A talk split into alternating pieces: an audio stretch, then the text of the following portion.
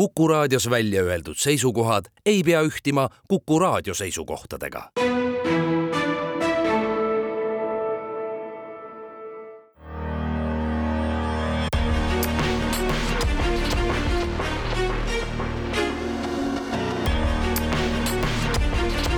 välismääraja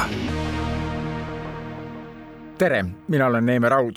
Eesti on seadnud välispoliitiliseks sihiks maailma riikide veenmise, et Venemaa juhtkond tuleb anda eritribunali alla ning Vene külmutatud varade abil tuleb Ukrainat toetada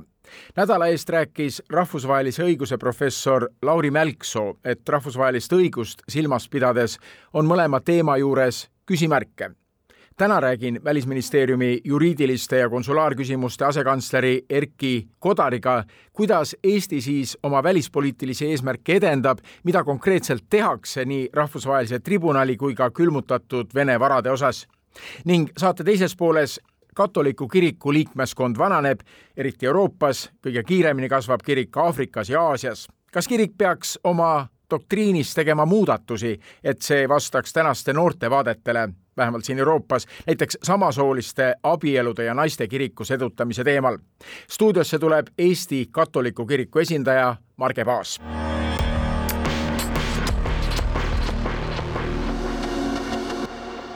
esmalt minu vestlus Välisministeeriumi juriidiliste ja konsulaarküsimuste asekantsleri Erki Kodariga. eelmises saates rääkisime sellest, kuidas Eesti on võtnud kaks eesmärki, üks on siis Venemaa juhtide kohtu ette viimine, teine on siis Venemaa vara võõrandamine. rääkisime Lauri Mälksooga, kes on rahvusvahelise õiguse ekspert, et teemad on küll väga õilsad, aga nendeni jõudmine on ikkagi komplitseeritud, et Eesti peab siin arvestama ka rahvusvaheliste õiguste normidega ja nii edasi.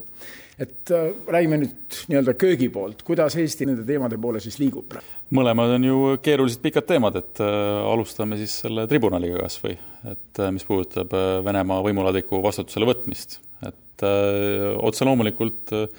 me oleme sellest juba rääkinud siin üle aasta aja sellised äh, teemad võtavadki aega, et küpseda ja viia seda nii-öelda sõnumit kohale ka teistele, et mida me tahame saavutada, kas nad tulevad sellega kaasa. otse loomulikult ka kõige olulisem, et mis, mida Ukraina tahab ja Ukraina hetkel ikkagi on nõudmas seda, et Venemaa võimuladik, kes on agressiooni käima lükanud, et selle eest peavad ka vastutust kandma. ja seda püüdlust me ka väga selgelt toetame otse loomulikult rahvusvaheline õigus mängib siin tohutut suurt rolli, et milline ta on praegu milliseks ta muutub tulevikus, aga see küsimus ongi, et kui me praegu ei tegele nende küsimustega üldse, siis paratamatult see mõjutab väga ka negatiivselt meie enda julgeolekupilti ja seda usutavust rahvusvahelisele õigusele üldiselt, et äh, kui äh, sellised teod jäävad karistamata, siis ega see midagi head kaasa ei too. ja peame sellega tegelema jah, tõesti, et siin on neid küsimusi, et milline saab olema selle tribunali äh, vorm, kas ta on see hübriidtribunal, mis on kuidagi paigutatud kas siis Ukraina enda õigussüsteemi sisse, omades rahvusvahelist elementi või mõne muu riigi äh, juurde, äh, mis muidugi loob olukorra, kus äh, me ei saa võtta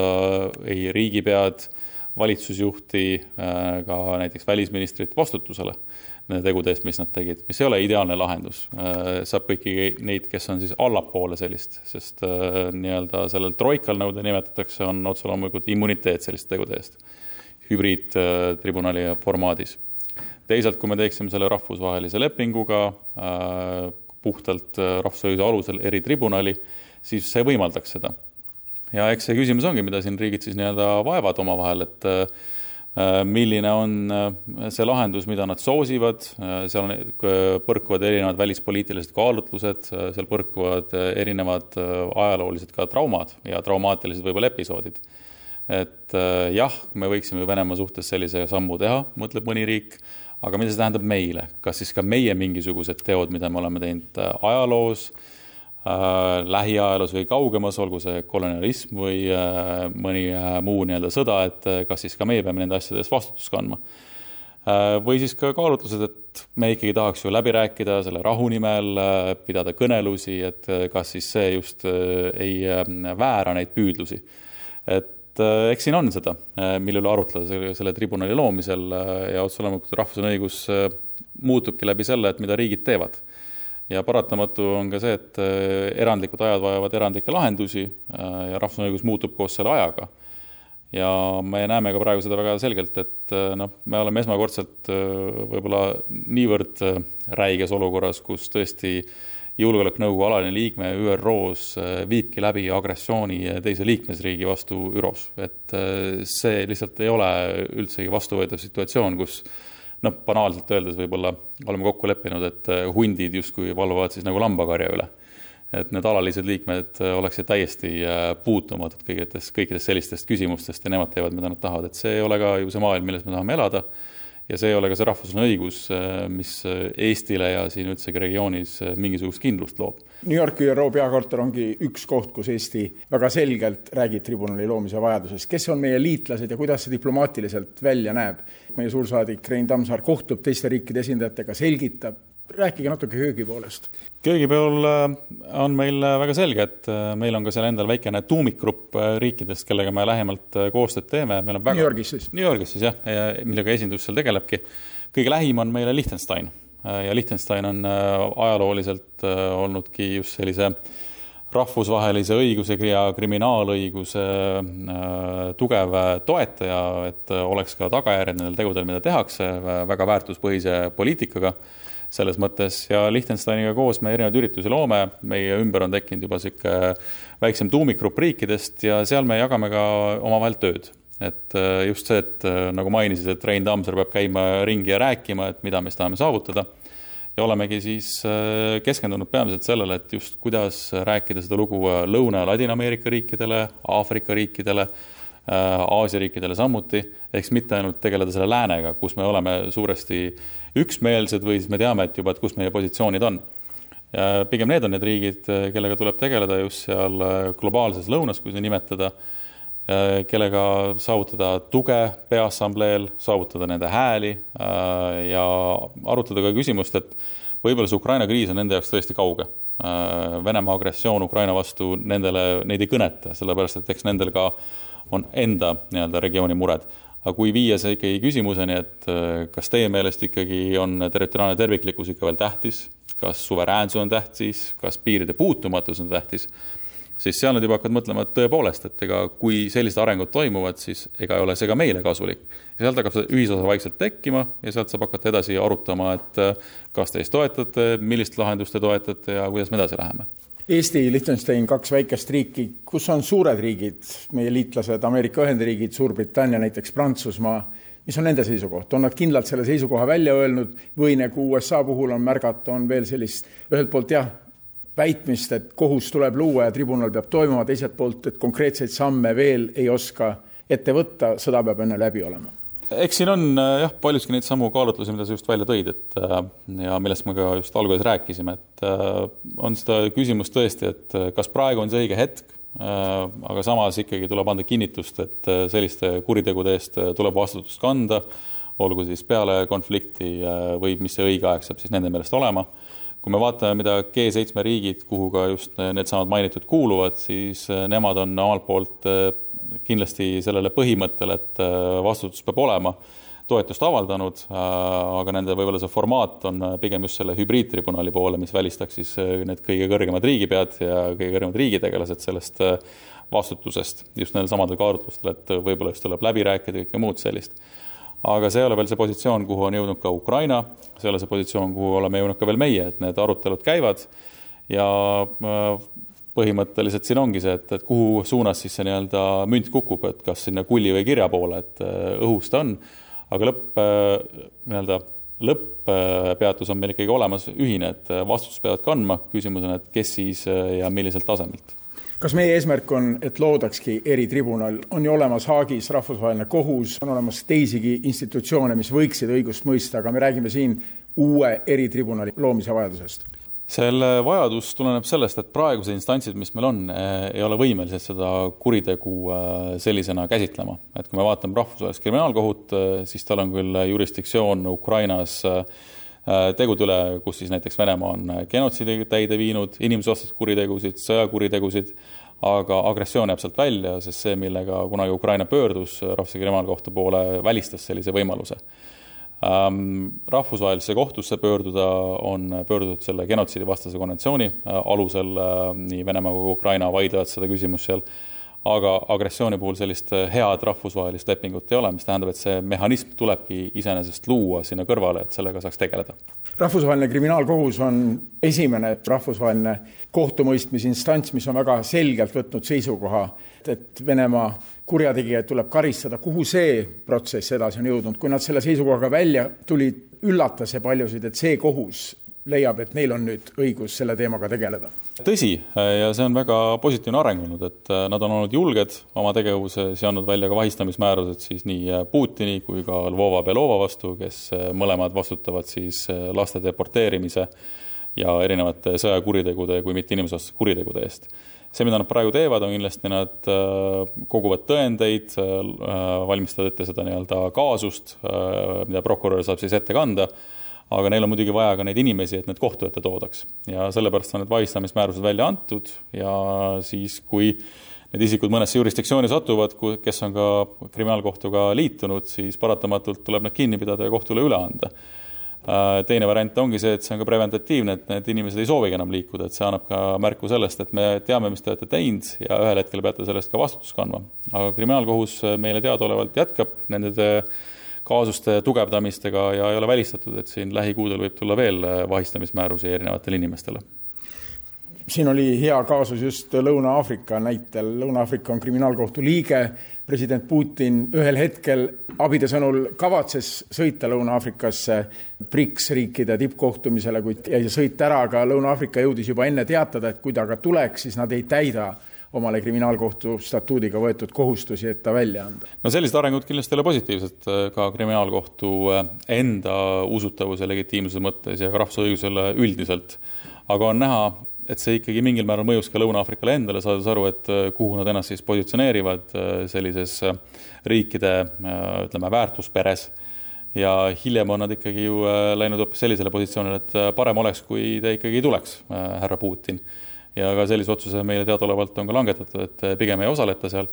ja see viib ka lõpuks selleni, et eh, on näha, et rahvusvahelisel õigusel on ikkagi mõju nendele otsustele, et eh, riigid peavad kaaluma, et kuhu nad siis tahavad jääda, et millisele valgele või mustale poolele ajaloos ka paljuski. Ja teisalt piirab ka see võimalust just nendesamade isikutel, kellel on see vahistamismäärus välja antud, et nende enda liikumisvabadust ja ka poliitika tegemise võimalust mistõttu siis tulebki hoopiski nad Peterburi kutsuda, eks ole, et äh, nendega saaks rääkida. ja ka ühel hetkel see ei ole ka viis, kuidas üldsegi riik saab oma poliitikat läbi viia, et kui kogu see sinu võimuladvik ongi äh, kriminaaljuhtumite pärast tagaotsitav. kes hakkaks seda uut tribunali looma? kui ÜRO struktuuri vaadata, siis kõige olulisem kehand on seal Julgeolekunõukogu, samas Venemaa on Julgeolekunõukogus alaline liige, vetoõigusega liige, seal see protsess vetostataks. ilmselt läheb see küsimus siis Peaassambleele kuidas see hakkaks toimuma? praegu ongi näha, et äh, sarnaselt nagu külma sõja ajal oli, et äh, Peaassamblee justkui võtab seda äh, julgeoleku tagamise rolli tunduvalt tõsisemalt kui isegi Julgeolekunõukogu. ja ka ÜRO põhikiri iseenesest näeb ka seda ette, et teatud puhkudel, kui Julgeolekunõukogu ongi patiseisus, et siis Peaassamblee justkui saavutab seda täiendavat jõudu ka nendes küsimustes arutada, mida Julgeolekunõukogu ise muidu arutaks see skeem, kuidas äh, taoline eritribunal loodaks, ongi siis see, et äh, põhimõtteliselt Peaassamblee pöörduks peasekretäri poole oma avaldusega, et peasekretär saaks siis teha lepingu ÜRO ja Ukraina vahel või ükskõik, kuhu siis see eritribunal ka loodaks. Ja siis läbi sellele nii-öelda antakse ka selle legitiimsus, et need Peaassamblee liikmesriigid, kes me seal kõik oleme, ja Peaassamblees koos käime, et äh, hääletavad siis ülekaalukalt äh, sellise tegevuskäigu poolt ja siis sealt see hakkab lahti rulluma peaassamblee koguneb septembri lõpul, see on see iga-aastane suur istungjärk New Yorgis. Eestil on siis võimalik väga kõrgel tasemel veel oma sõnumit paljude riikideni viia, Eestis sõidab ilmselt president kohale, nagu alati, välisminister on seal kohal. Ja selle kõrgetasemelise diplomaatilise nädala ajal, mil kõik liikmesriigid on esindatud väga kõrgelt New Yorgis, on seda diplomaatiat veel väga hea ajada, et ilmselt sellest saab siis tänavuse Peaassamblee üks peateema Eesti jaoks otse loomulikult, äh, just äh, see karistamatuse vastu võitlemine ja ka vastutusele võtmine selliste tegude eest on äh, põhiteema. Ja ka selles võtmes, et kas rahvusvaheline õigus üldsegi omab mingisugust väärtust tänapäeva maailmas. ja kas see ÜRO põhikiri, kus me oleme kokku leppinud need postulaadid, et mida tohib ja mida ei tohi oma riikidevahelises käitumises teha, kas need ka üldse väärivad enam midagi, et me oleme praegu olukorras, kus neid tulebki üle kinnitada ja öelda, et kui midagi on nende vastu tehtud, siis tuleb ka meil omapoolsed vastusammud teha ja see kindlasti on põhiteema, millega lähevad sinna nii president kui ka välisminister. peaassamblee toimub septembri lõpunädalatel ja siis on kõigil riikidel võimalik ÜRO kõnetoolist esitada oma prioriteedid rahvusvahelises elus ja huvitav ongi nüüd vaadata, kui palju räägitakse Ukrainast ja kui palju räägitakse nüüd kõnedes ka sellest tribunalist. Eesti kindlasti räägib ja ma usun, et äh, Ukraina nii-öelda juhtum ehk siis see Venemaa agressioon Ukraina vastu on ka põhiteema. Äh, kuid kindlasti on seal kõiki muid teemasid, mis me maailmas näeme, kliimamuutused, äh, üleüldine usaldus äh, demokraatia ja üldsegi rahva poolt valitud esindajate vastu, et kõik need metateemad, mida me näeme igapäevaselt, et kõik need on seal adresseeritud, aga kui rääkida sellest, et mis meid kõige rohkem ohustavad, siis ma usungi, et just see Ukraina tulevik on see, mis määratleb ära ka meie rahvusvahelise õiguse kehtivuse ja teisalt ka otse loomulikult äh, kliimamuutused on äh, kõigile väga selgelt äh, kõrge prioriteediga. Erkki Kodariga jätkame pärast reklaame.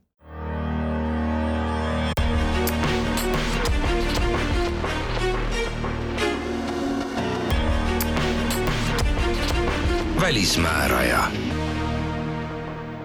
välismäärajas on minu vestluskaaslaseks Välisministeeriumi juriidiliste ja konsulaarküsimuste asekantsler Erki Kodar. teine teema, millega Eesti ka väga aktiivselt tegeleb, Venemaa külmutatud varade äravõtmine ja nende müügituludest Ukrainale abi andmine. kuhu Eesti on sellega jõudnud, see on ka üks teema, mis rahvusvaheliselt küll leiab palju mõttelist heakskiitu, aga riigid on suhteliselt ettevaatlikud samme astuma. Eesti tahab siin olla aktivisti positsioonis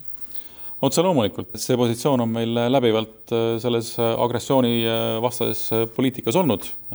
sellepärast et kui ikkagi kahjusid tekitatakse, siis keegi peab need kahjud ka hüvitama. ja miks siis teha seda meie enda maksumaksja kulul, kui ikkagi agressor peab olema see, kes vastutab kõige selle eest. kuhumaani me oleme jõudnud praegu, on see, et otse loomulikult Euroopa Liidus käivad erinevad arutelud, kui me vaatame ka avaldusi, mida on teinud G7 ja ka need julgeoleku kas just garantiid, aga vähemalt need kinnit-, ülekinnitused, mida G7 koos Ukrainaga äh, annab, äh, viimati just siin suvel äh, deklaratsioonis, kinnitavad üle selle põhimõtte, et kahjud tuleb hüvitada ja kinnitab seda veendumust, et need külmutatud varad, mis meil on sanktsioonide all, et neid hoiame kinni seniks, kuni on nagu selge, et kes siis need kahjud hüvitab, millisel määral ja kuniks see nii-öelda konflikt on lõppenud. Eesti praegu tegeleb sellega, et enda siseriiklikku lahendust selle välja töötada, meil on äh, eelnõu äh, kooskõlastusringil just tagasi tulemas, äh, loodetavasti jõuame sellega ka septembris juba valitsusse, sealt edasi Riigikokku, kus me siis pakume välja, et mis meie enda õiguslik mehhanism on, et kuidas sellega edasi minna. Euroopa Liidus jätkame samuti neid püüdlusi, siin neid küsimusi õiguslikult on väga palju, mida ongi vaja lahendada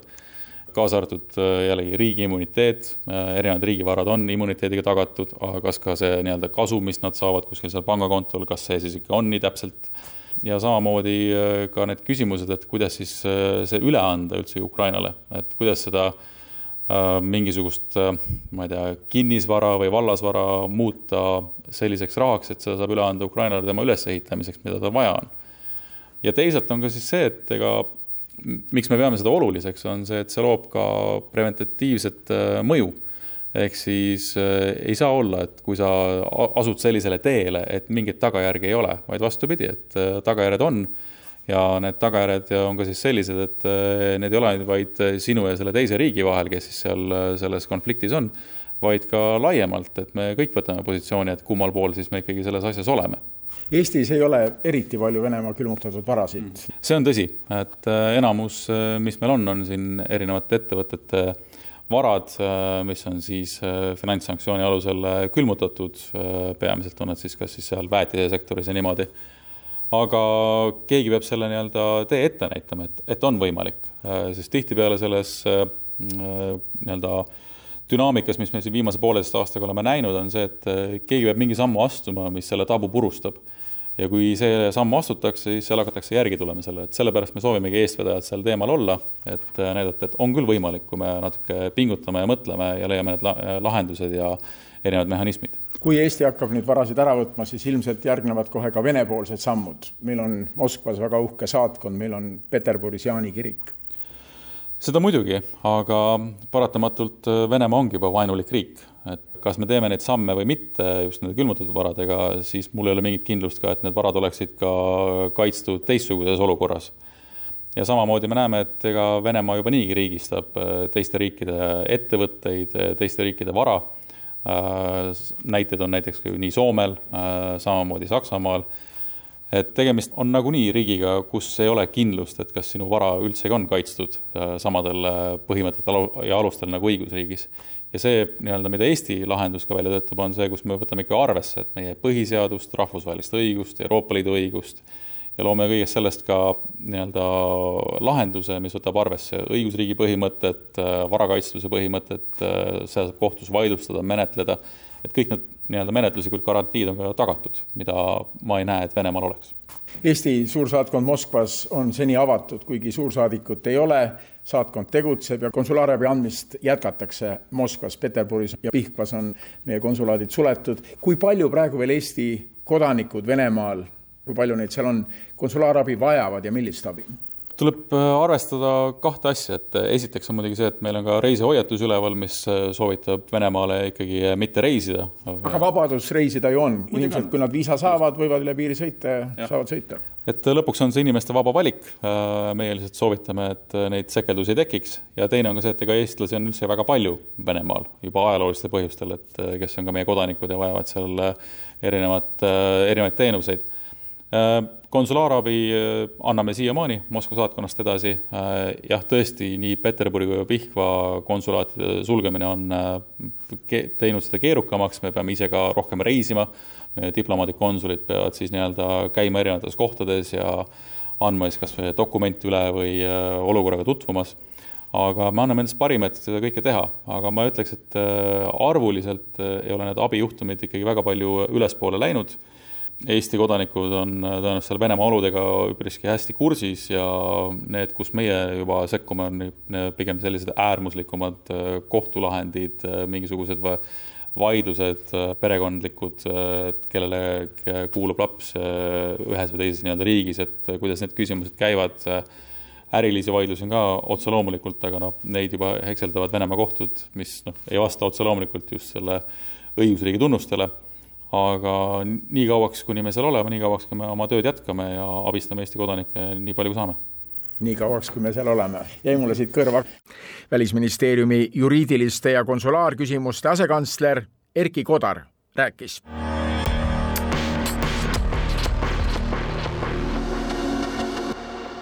välismääraja pöörab nüüd pilgu Lissabonile Portugali pealinnas toimusid augusti alguses järjekordsed katoliku kiriku noortepäevad, ametliku nimega World Youth Day, aga see pühapäev kestis mitu päeva. üritusega alustas paavst Johannes Paulus Teine kaheksakümne kuuendal aastal ja tänavune katoliku noortefestival oli juba kuueteistkümnes ning tõi Lissaboni ligi üks koma kuus miljonit noort. kasutasin sõna festival, sest üritusest pilte vaadates ei erine need paljudest teistest noorte suvistest üritustest, mille kohal lendleb vabameelsus ja just see teema, kui vabameelseks on muutunud või muutumas praeguse paavsti Franciscuse ametiajal katoliku kirik, see andis kõneainet paljudes noortepäevade kajastustes üle maailma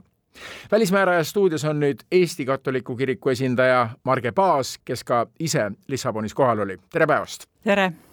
Ja kohe see küsimus, kas kirik on muutunud vabameelsemaks, kas doktriinis on muudatusi, kas kirik käib ajaga sammu, no küsimusi kohe mitu. Franciscust peetakse väga liberaalsete vaadetega paavstiks. ei, muutusi ei ole ei tea, kas muutusi ka tuleb, selle kohta on muidugi väga palju noh, spekuleeritud ja räägitud, loomulikult vaadates just Franciscuse isikut, kes praegu on katoliku kiriku pea, kes tegelikult alati ja eriti viimasel ajal oma sõnumites rõhutab, et kirikusse on oodatud kõik. see ei tähenda, et peaks kiriku doktriin muutuma, et, et armulaua osadus on seal abielu lahutatuna või niimoodi. seda on öeldud, et see kindlasti ei muutu, vähemalt lähiajal kindlasti muudatusi ei tule, aga, aga selles suhtes jah, nüüd kui vaadata nüüd Lissaboni tagasi, siis tõesti selles suhtes, et äh, isegi mina, kes olen olnud nüüd äh, kahel noortepäeval, äh, rõhutan, see sõna festival võib-olla isegi ongi õigus siinkohal nimetada, sest kaks tuhat kuusteist ma käisin Krakowis. mul on hea võrrelda, mis toimus seitse aastat seal ja mis nüüd Lissabonis, et tõesti Krakow, väga ju katoliiklik keskus, eks ole, seal oli kohal üle kahe miljoni noore üle maailma, Lissabon samuti katoliiklik maa, kus oli üks koma kuus miljonit,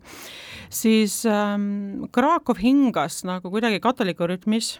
oli näha väga palju katoliku traditsiooni, linnas käisin ringi, erinevad usukuulutused, kontserdid, festivalid ja kontserdid olid ka ikkagi nagu kristliku sõnumiga, mis ei tähenda, et Lissabonis ei olnud, aga Lissabon oli nagu massiga, oli, oli suur, oli et äh, kui erinevatest üritustest osa võtsin, mis olid juba ütleme sadades tuhandetes, et ähm, oluline oli noortele, et kirikupea on kohal, jah tema sõnumit kuulati päris teravalt, aga üldine vaimsus võimalik, et äh, jättis natuke soovida, vähemalt minule siinjuures võrreldes Krakow'iga, et oleks võinud olnud sügavam, sest noh, nii palju, kui ma kohapeal rääkisin noortega, tegelikult inimesed tahavad mingisugust niisugust ikkagi, mis läheb hinge, südant puudutab, aga kas seda nüüd äh, sündmust saab äh, öelda, et nüüd kirik on nagu liberaalne, see jäägu igaühe enda tõlgendada, aga, aga avatust ta kindlasti näitas, seda oli näha ka paavsti sõnumites ja, ja, ja noored sellele vastasid. lugedes noorte minust mitme generatsiooni kaugusel olijate arvamusi küsitlustes, no üle maailma arvamusküsitlustes, noorte jaoks ei ole probleemiks näiteks homoseksuaalsus, samasooliste abielud, naiste edutamine ja paljudes intervjuudes, mis Lissabonis tehti ja vaatasin siin meie vestluse eel läbi üsna mitu intervjuud, jäidki kõrva needsamad teemad, et ka katoliku kirik ikkagi maailma konservatiivsuse üks bastion, kui nii võib öelda, peab noorte arvates oluliselt muutuma, muidu noored lihtsalt ei tule kirikusse. no seda sõnumit on palju siin juba viimastel aastatel jagatud ja jällegi toon võrdluse Poolaga Poolas oli see konservatiivsem, vaadates nüüd äh, tõesti Portugali, Portugali oli kohale tulnud väga palju äh, Aafrika mandrit, seda oli näha. oli ka Ladina-Ameerikast, äh, Brasiilia lippusi, kõik riigid võtsid oma lipud kaasa, Eestist oli ka grupp, Eesti lihv lehvis ka kõrgelt, aga Brasiiliat, Argentiinat, et näha oli, et selle riigi esindajaid sedavõrd palju on võimalik, et asukoha pärast, kus Portugal asub, on ju. mida ma oskaks võib-olla tuua juurde, et see on üks teema, eks seda rõhutatakse kirjalikult, kiriku sees ka, et olla avatud kõigile ja, ja isegi kui kiriku doktriin ei muutu, siis ikkagi sõbralikult võtta ja respekteerida noh, kõiki. aga mida ma nägin näiteks tänavapildis ja, ja millega on näiteks just ähm, Portugalis äh, tegutsev katoliku kirik silmitsi seisnud, on erinevad ähm, seksuaalahistamisskandaalid ja, ja tänavatel oli toodud ikkagi välja tänavareklaamidesse loosungeid, et kui palju on olnud näiteks viimase viie aasta jooksul juhtumeid, need olid ikkagi tuhandetes, ja, ja Portugal on ise ka väljendanud oma nördimust, et, et need on juhtunud, me ei räägi siin ainult viimasest aastast, seda räägitakse ikkagi nagu aastakümneid, mis on toimunud, et juba see, et see tuuakse välja, kirik tunnistab, et on tehtud vigi, vigu, paavst töötab selle nimel, ka see näitab muutust teatud mingit mentaliteedi muutust kirikus. Samas ma ütlen, et ka noorte seas oli, et nad, nad, nad loomulikult, et see on kohutav, et seal on ju ohvreid, sest räägitud, see Portugali meedias ka kirjutati, kes jagas oma tunnistusi, aga, aga, aga seal pöördutakse jällegi sellise inimliku aspekti peale mis sageli jääb kõrvale just nimelt see, et vahest tuleb nagu andeks ka anda. ja vot, vot see asi on see, kuhu nagu võib-olla katoliku kirik liigub kõige rohkem, et et kui me teeme kõik vigu äh,, selge, me mõistame hukka, aga me anname andeks, me ei hakka hukka mõistma seda inimest, tegu küll üks maailma kõige liberaalsemaid katoliku kirikuid on Saksamaal ja seal on arutelud samasooliste kooselu teema üle, kas kirik peab neid aktsepteerima, kas kirik peab laulatusi tegema, see on üsna laialdaselt kõne all, me sel teemal võib-olla siin täna rääkima ei hakka, aga teine teema, naised kirikus. jälle Saksa kirikus ja ka paljudes teistes Euroopa kirikutes öeldakse, et aeg on kirikul muutuda meestekesksest kesksest organisatsioonist ikkagi avatumaks, ka naisi tuleks kõrgematele kohtadele edutada. vot kui ma just praegu mainisin, et noh, kirik tegeleb sellega, et tuua välja erinevaid selliseid kurbasi juhtumeid, mis on ajaloos olnud, siis teine teema on just nimelt see naiste rolli tõstmine. ma olin äh, veebruarikuus Prahas, äh, kus toimus äh, kiriku sinood, see tähendab kirikukogu ja iga Euroopa riigist olid sinna määratud mõned esindajad. tõesti, kui me vaatame, siis Eesti oli ka sellel väga olulisel kohtumisel, Eestist oli siis meie piiskop Philipp Jourdain ja mina, Saksamaalt oli neli delegaati, kellest kaks olid, just rääkisid seda nagu naiste rolli, isegi naiste ordineerimise rolli, sest järelkasvu ei tule, kutsumusi ei ole ja see on tegelikult Euroopa probleem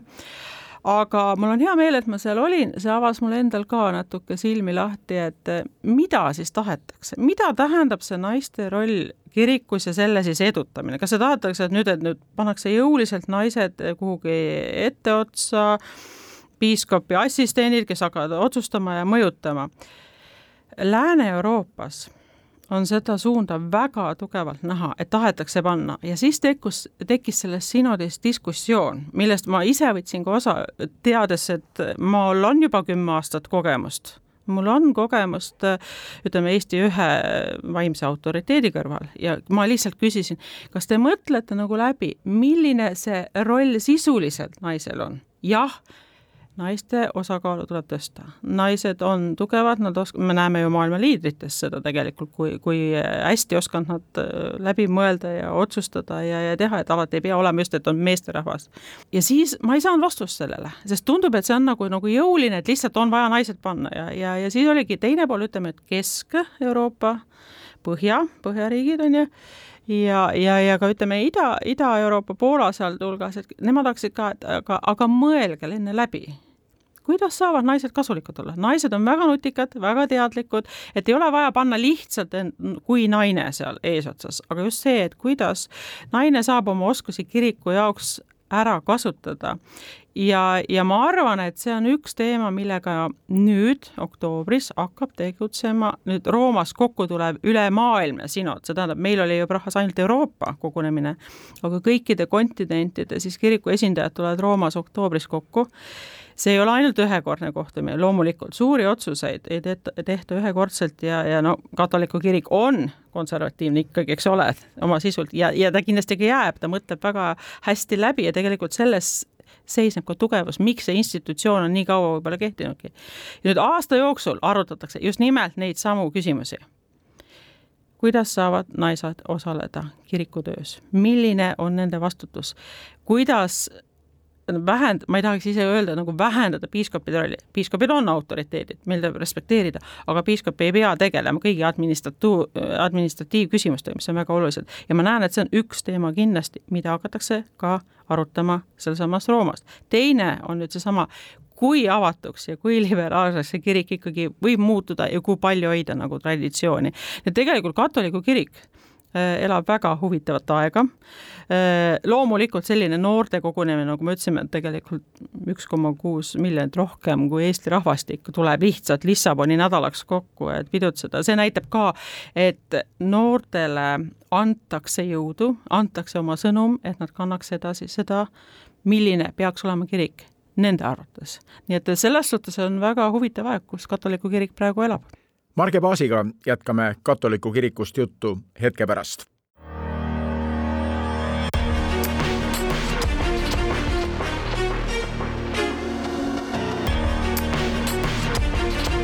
välismääraja välismääraja stuudios on Marge Paas ja me räägime katoliku kirikust ja Lissabonis toimunud katoliku kiriku noortepäevadest või noortepäevast, nagu on selle ürituse ametlik nimi. ning paavst Franciscus ütles just sel eel, et kiriku vananemine on oluline probleem eelkõige vanas maailmas, vanas Euroopas. kui vaadata katolikku kirikut, siis kõige kiiremini kasvab see Aafrikas ja Aasia riikides ja sealsete noorte katoliiklaste seisukohad on hoopis konservatiivsemad. lugesin siin mitmetest artiklitest, Aafrika piiskopid on öelnud, et samasooliste abielu teema katoliku kirikusse toomine seal mandril oleks kirikule lausa kabelimatt, sest niigi peab sealne katoliku kirik tegelema väga suure evangeelsete kristlike kirikute mõjuga mis maailmas on jõudsalt kasvamas. -hmm. ja, ja no siin ongi jällegi väga huvitav, et me ei saa vaadata ju kõike ainult meie kontinendilt Euroopas, noh, meil on ka probleemid, seda, seda näitas see sinod, on ju, siin näidati neid sõnumeid, mis Lissabonist välja toodi, kuidas e, Euroopa maadlebki tegelikult oma, oma, oma, oma kesksusega, sest kui noh, lähed vaatad siin suuri katedraale, ega siis see minek ikkagi kirikusse on ikkagi kultuuriväärtuse eesmärgil, mitte nagu liturgiasse, eks. ja see hulk jääb järjest vähemaks just nimelt vanas Euroopas. mis kasvab, Ida-Euroopa tõesti, ja, ja ütleme, see, ega selle Ukraina sõja valguses, see on ju, Ukraina on väga religioosne, see, see on nüüd laiali pillutanud ju miljonid inimesed ja Ukraina hoiab oma religioossust. ja, ja, ja see kindlasti hakkab veel ka mängima tegelikult Euroopa kontinendil, mis siis, et seal on väga valdavalt õigeusk, aga seal on ka mm, Ukrainas ju Kreeka-katoliku, mis on tegelikult paavsti all katoliku kirik. Lääne-Ukrainas? ja tegelikult terves Ukrainas. Lääne-Ukraina on juba katoliiklik, väga valdavalt, et see on nagu domineerib, Poola on ju kõrval olnud ühi, ühine ajalugu seal. et seda me veel näeme, kuidas tegelikult Euroopa sees hakkab üldse kogu usuelu ringlema. aga erinevatel kontinentidel on jah, kes on konkreetselt liberaalse vaatega, kes tegelevad probleemidega, ütleme ahistusskandaalidega, kahetsevad seda ja kes hoiavad väga tugevalt nagu konservatiivset äh, joont ja sellesamas sinodis nüüd, ähm, mis rahas aset leidis, see polariseerumine, see on küsimus, aga kes selle ära lahendab? ei tea, kas see on Franciscus, kes praegu on nagu kirikupeana, kas see on tulevane paast, aga noh, näha on, et kirik on muutustes ja muutub väga kiiresti. nagu ma siin juba alguses rõhutasin ka, et vaadates noorte nagu huvisid, noorte seisukohti, mis toimus nagu Krakowis ja vaadates nagu Lissaboni, ma julgeks öelda ühe sõnaga kokku, et Krakowis kaks tuhat kuusteist noortepäevadel pigem oli just see, et äh, nagu anda sellist nagu kogemust, elamust nagu jagada oma usku. Lissabon. Pigem on just see, et jagame digitaalmeedia, kuidas see edasi läheks nagu juba on näha, et väike niisugune mentaliteedi muutus on ka noorte katoliiklaste seas, mis seitsme aasta pärast toimub,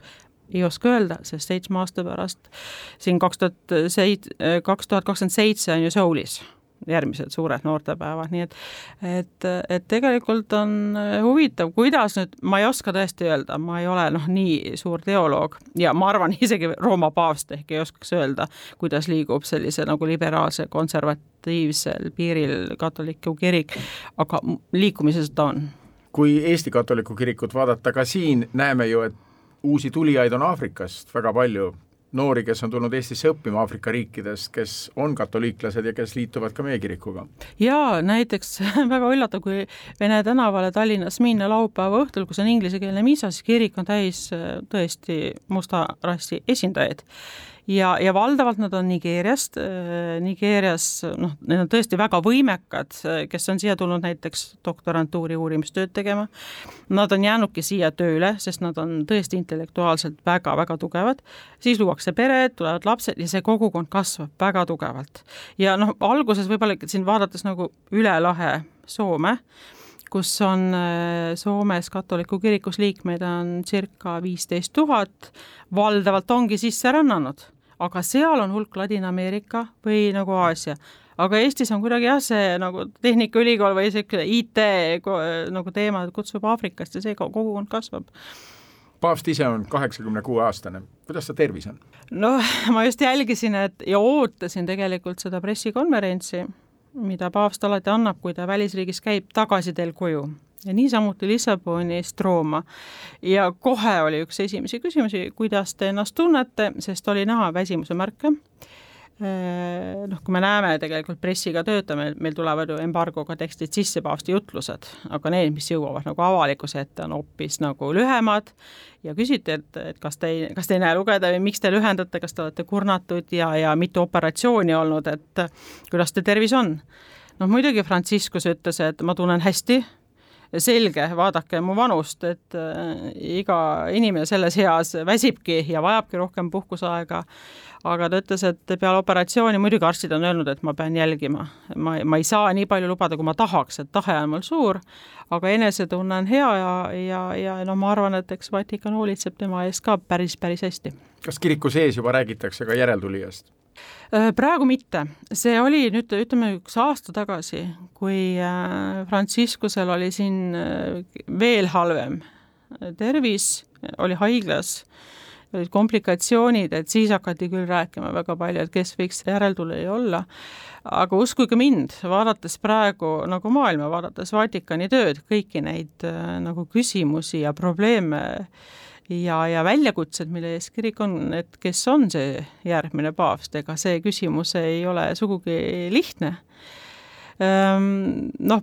räägitakse palju, aga, aga konkreetselt praegu ma ei ole isegi kuulnud, et mõningaid kandidaate võiks olla, vaat see kardinal võiks olla, nii edasi, sest äh, see, see on päris väljakutsuv kes on järgmine paavst. üks asi, mida Franciscus on teinud, ta on määranud olulistele kiriku ametikohtadele erinevates maailma piirkondades nooremaid mehi, kuskil seal viiekümnendates eluaastates mehi, kes on ikka kirikus noormehed ja et nende häältest hakkab kirikukogudes palju lugema, siis püüab Franciscus nii vaatlejate arvates tagada seda, et tema surma järel, kui uus paavst peaks tulema oluliselt konservatiivsem, jääks ta liberaalsed ideed ikka kirikus alles. no see on strateegiline käik loomulikult, sellepärast ja seda on näha? ja seda on näha ja, ja kui kirikupea noh, ütleme, kui järgmine paavst on kirikupea, ta peakski olema noorem, sest noh, see, et nagu umbes iga nagu kümne või viie aasta tagant vahetub, et see ei ole tegelikult hea, et uus jõuab sisse elada, tuua omad vaated sinna sisse, ta püüab neid nagu rakendada lähikondlastega, mis sugusi ei pruugi olla lihtsad, eks ole. et, et see peaks olema noorem ja jõulisem ja, ja ma ütlen jõulisem diplomaatilistes suhetes. et seda, seda on küll räägitud, et ei ole öeldud konkreetselt, kes võiks olla mingi noorem kardinal või kes võiks olla selline ametipärija, enam mitte. ütleme, paar aastat tagasi hakati seda rääkima, olid mingisugused kandidaadid, see teema läks maha, aga just see, et kes suudaks nagu hoida nii kirikut, kiriku sees, kui ka maailmas nagu nähtavalt seda ikka diplomaatilist joont, seda on vaja diplomaatia juurde jõudsimegi. paljudel on seni päris arusaamatu paavsti ja Vatikani seisukoht Ukraina sõja suhtes? see on hea küsimus, see on no ma usun, see on nüüd minu isiklik arvamus. sõda paavst ei poolda, ta räägib ja, rahust. jaa, ta räägib alati rahust ja kirik Aga... on alati rahu poolt ja ta on jätkuvalt ja on ta kindlasti tulevikus. noh, me kõik teame, milline on paavst Franciscus, ta on jesuiit, tegutseja, tahaks kohe midagi korraldada. kui sõjategevus algas, siis tal olid mõned plaanid ja ta tahtis ja räägiti noh, et paavst sõidab Kiievisse, seda valmistati ette. Aga, aga millegipärast seda ei juhtunud. Ja ma arvan, see millegipärast oli kindlasti ka läbimõeldud, et miks seda ei olnud vaja teha nüüd ähm, kas Vatikan peaks olema jõulisem, võimalik, et ootabki nagu kõrvalvaatejoont, lihtsalt tema hoiab seda teemat, et meie palvetame rahu eest, et see rahu saabuks ja kõik need, mis on juba haavad tehtud, et kuidagi nagu leevendaks.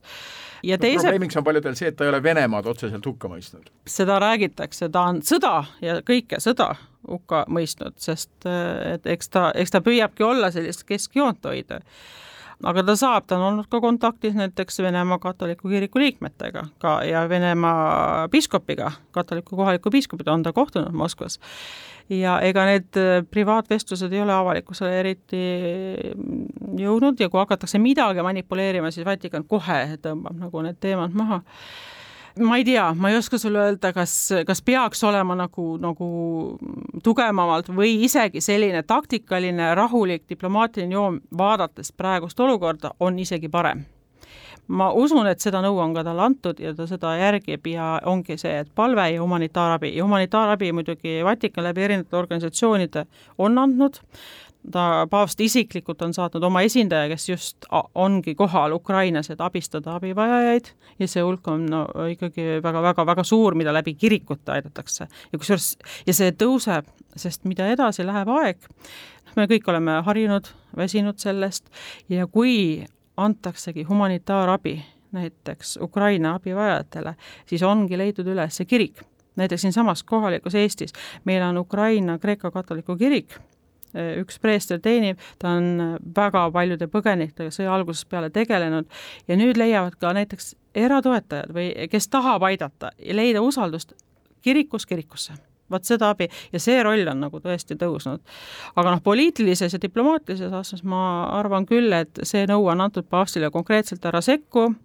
äh, ole rahu poolt ja, ja kirik peabki alati rahu poolt olema ja, ja hoia seda joont. ja selle intervjuu viimane küsimus Eesti pühak, Eesti katoliku piiskopi Eduard Profitlichi õndsaks kuulutamine. sina, Marge Paas, me räägime sina, me oleme varem ka koostööd teinud, sina oled selle protsessi üks mootor, võib öelda vist siin Eestis. kuhu see on jõudnud, millal Eesti saab oma esimese, kui mitte nüüd pühaku, aga õndsa mehe? me kõik ootame juba ammu, ammu mitu aastat oleme tegelenud, mitu aastat oleme juba ootanud, praegu on kõik Vatikanis ja Vatikani veskid jahvatavad, jahvatavad aeglaselt, aga nad jahvatavad. kas on lootust, et selle paavsti eluajal veel otsus langetatakse, sest ka Profitlich oli jesuiit, nagu praegune paavst? Ma ei saa seda öelda, sest me just rääkisime äsja, et kas Paaf võib tagasi astuda, kas, milline on tema tervis, asjad juhtuvadki üleöö. me, me kunagi ei tea, selleks tuleb nagu valmis olla. aga Proflitlihi juhtum on tõesti praegu kõige viimases staadiumis Vatikanis ja see tähendab seda, et noh, et kui meie olime oma uurimustöö ja kõik ära teinud, siis ta pidi minema noh, nagu doktoritööd kaitstakse ajalookomisjoni ette, teoloogiakomisjoni ette ja siis läheb kardinalide ette. tänaseks ta on ajalookomisjonist edukalt läbi läinud, meil tuli väga palju küsimusi ja me tõesti ei uskunud, et meie uurimistöö, mis on üle viiesaja lehekülje, et see üksipulgi töötatakse läbi ja seda tõesti tehti ja me saime väga palju küsimusi, me saime väga palju kiita, millele me nüüd kevadel vastasime ja läks Rooma ja oleme valmis esitama nüüd sügisel teoloogiakomisjonile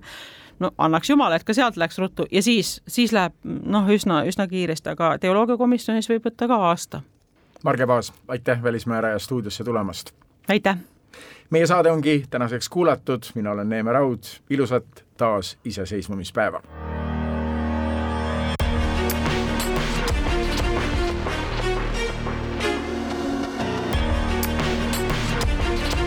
välismääraja